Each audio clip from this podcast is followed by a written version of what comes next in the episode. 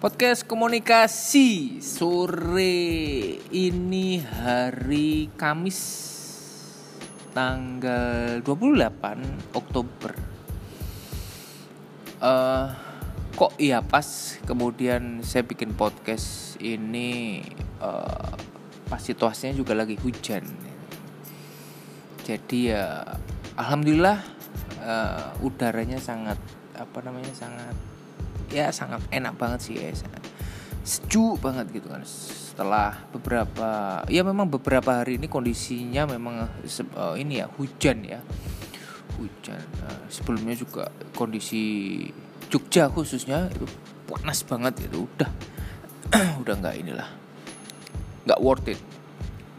Uh, alhamdulillah kalau nggak salah empat hari ini cuaca lagi bersahabat. Dingin banget. Jadi saya lagi bersemangat untuk memproduksi materi-materi yang saya share di podcast. Salah satunya, salah satunya di episode kali ini uh, saya mau mau ngebahas tentang kelanjutan dari dari dari apa ya tema yang yang sudah saya share mungkin di podcast sebelumnya yaitu tentang literasi media gitu kan.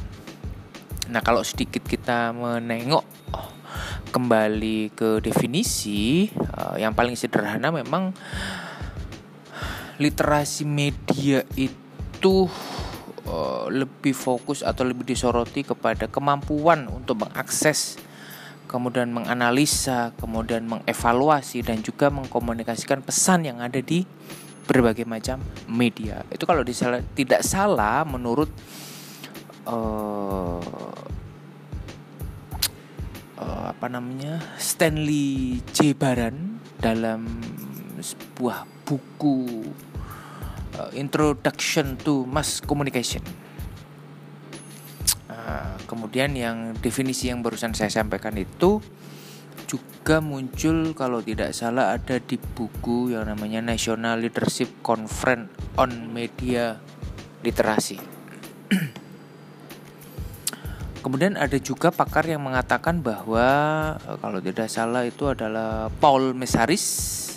Dia mengatakan bahwa sebenarnya literasi media itu lebih kepada pengetahuan tentang bagaimana masyarakat atau audiens uh, itu uh, maaf bukan uh, melihat bagaimana fungsi ya sorry sorry uh, fungsi media di dalam masyarakat. Jadi masyarakat sebagai objek media. Itu itu itu salah satu uh, statement dari Paul Mesaris. Oke, kemudian karena memang pada dasarnya literasi media itu uh, saat ini itu diperlukan ya semakin atau diperlukan akibat dari semakin gencarnya terpaan informasi ya.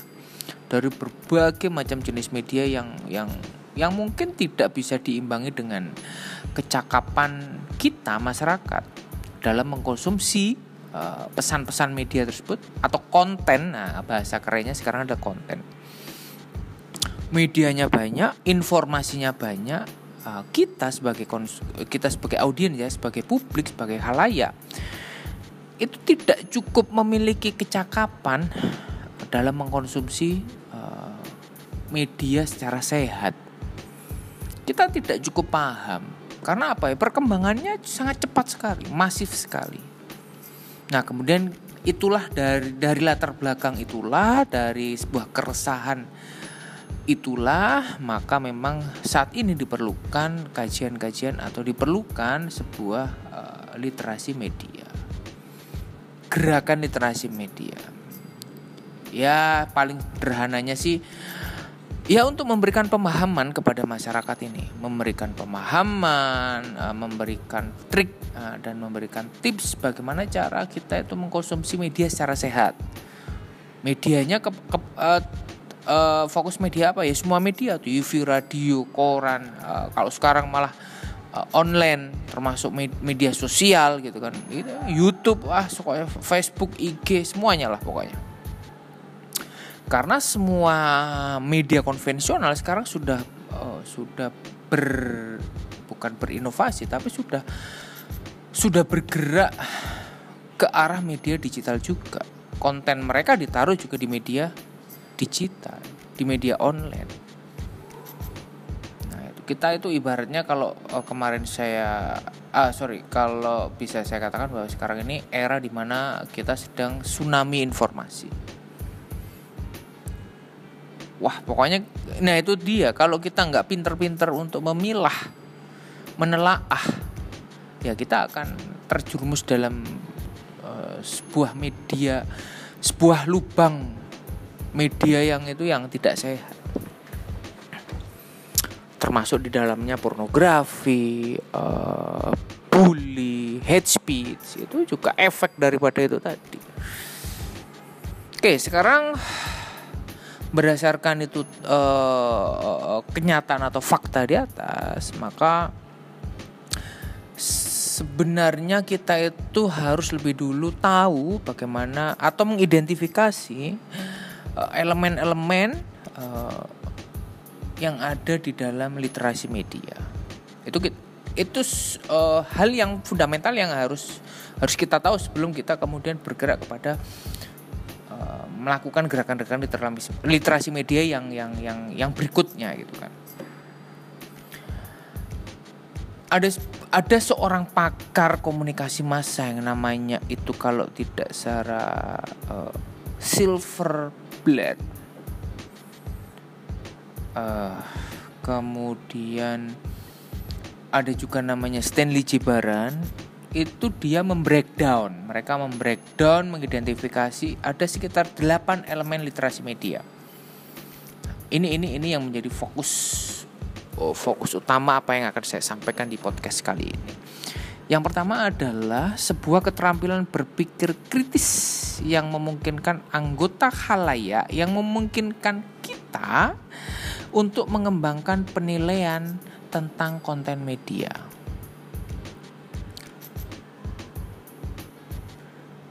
kita harus punya sadar mampu berpikir kritis tentang dampak atau kita bisa menilai uh, secara independen ya maksudnya secara independen itu maksudnya adalah secara objektif atau dalam bahasa sederhana adalah kita mampu berpikir kritis untuk mengembangkan keterampilan kita dalam menilai secara objektif konten-konten media yang kita konsumsi atau konten media yang ada. Itu elemen yang pertama. Harus harus kita harus harus objektif dalam menilai menilai oh ini kayaknya konten A yang ada di media ini ini mengandung hate speech deh. Kayaknya provokatif deh. Enggak deh. Saya nggak mau nggak mau baca ini saya nggak mau nonton ini. Nah, daripada nanti ini sukanya media ini menggiring opini publik nih. Jadinya terlalu memihak sana gitu kan. Kalau teman-teman ingat ya kalau teman-teman ingat waktu pilpres eh, masyarakat Indonesia kan sempat terpecah ada yang mendukung ini ada yang mendukung ini. Itu sebenarnya hal yang wajar. Hal yang wajar sebenarnya. Karena masing-masing orang punya punya jagoan toh. Punya punya uh, role eh uh, role model. Role model. Uh, punya sosok yang didukung. Tapi kemudian di di era yang yang yang yang atau yang kemarin saja gitu kan. Ini ini contoh nyata gitu. Hampir banyak media khususnya media-media online gitu kan yang mungkin tidak terverifikasi oleh oleh kominfo yang itu bukan media besar yang memiliki uh, konten-konten uh, terpercaya gitu kan. Selalu memberikan konten-konten yang yang yang memecah belah. Provokatif dari sudut pandang agama lah, ras lah, yang itu ngomong Cina lah, yang itu mengkaitkan dengan uh, agama, Quran dan sebagainya, memecah belah. Eh, narasinya selalu mengundang kemarahan, mengundang uh, apa namanya tindakan-tindakan yang provokatif.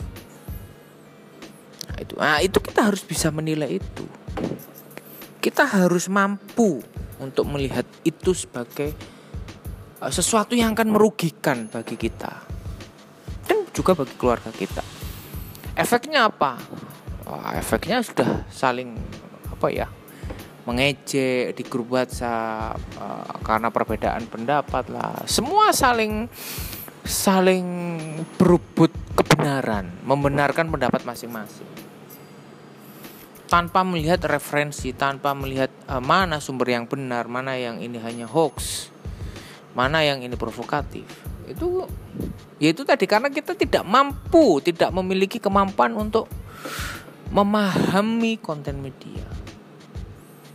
Memahami kepentingan media. Kita nggak mampu. Masyarakat mah nggak mau tahu itu. Nah peran kita adalah meliterasi melakukan gerakan literasi memberikan pemahaman memberikan kode-kode. Oh jangan ke sana ini provokatif. Udahlah nggak usah diikuti. Seperti itu kita harus punya filter ya kadang-kadang kita sendiri aja juga terpancing atau terprovokasi Nah, itu yang pertama. Kemudian yang kedua pemahaman tentang proses komunikasi massa. Proses komunikasi massa, iya di sini bahwa ya itu tadi media itu memang karakternya adalah masuk dalam bagian komunikasi massa. Pesannya disebar ke audiens yang cukup banyak, halayak konsep komunikasi massa iya. Dalam konsep komunikasi massa media kemudian ada memberikan sebuah pesan uh, mungkin itu berita atau konten video. Ya biasanya kembali lagi riset. Media juga memiliki riset. Mereka juga meneliti mana konten-konten yang disukai masyarakat mana masyarakat yang yang yang yang suka dengan tayangan-tayangan ya jangan-jangan begini. Jangan-jangan kalau kita mengatakan bahwa kok konten ini sampah ya seperti yang sudah saya jelaskan. Konten ini kok sampah ya gitu. Jangan-jangan sebenarnya justru itu yang masyarakat Indonesia suka. Makanya media lebih banyak menayangkan konten-konten yang seperti itu. Yang bagi kita adalah konten sampah konten nggak bener lah orang suka kok. Mayoritas suka. Ya jelas media akan membuat konten-konten serupa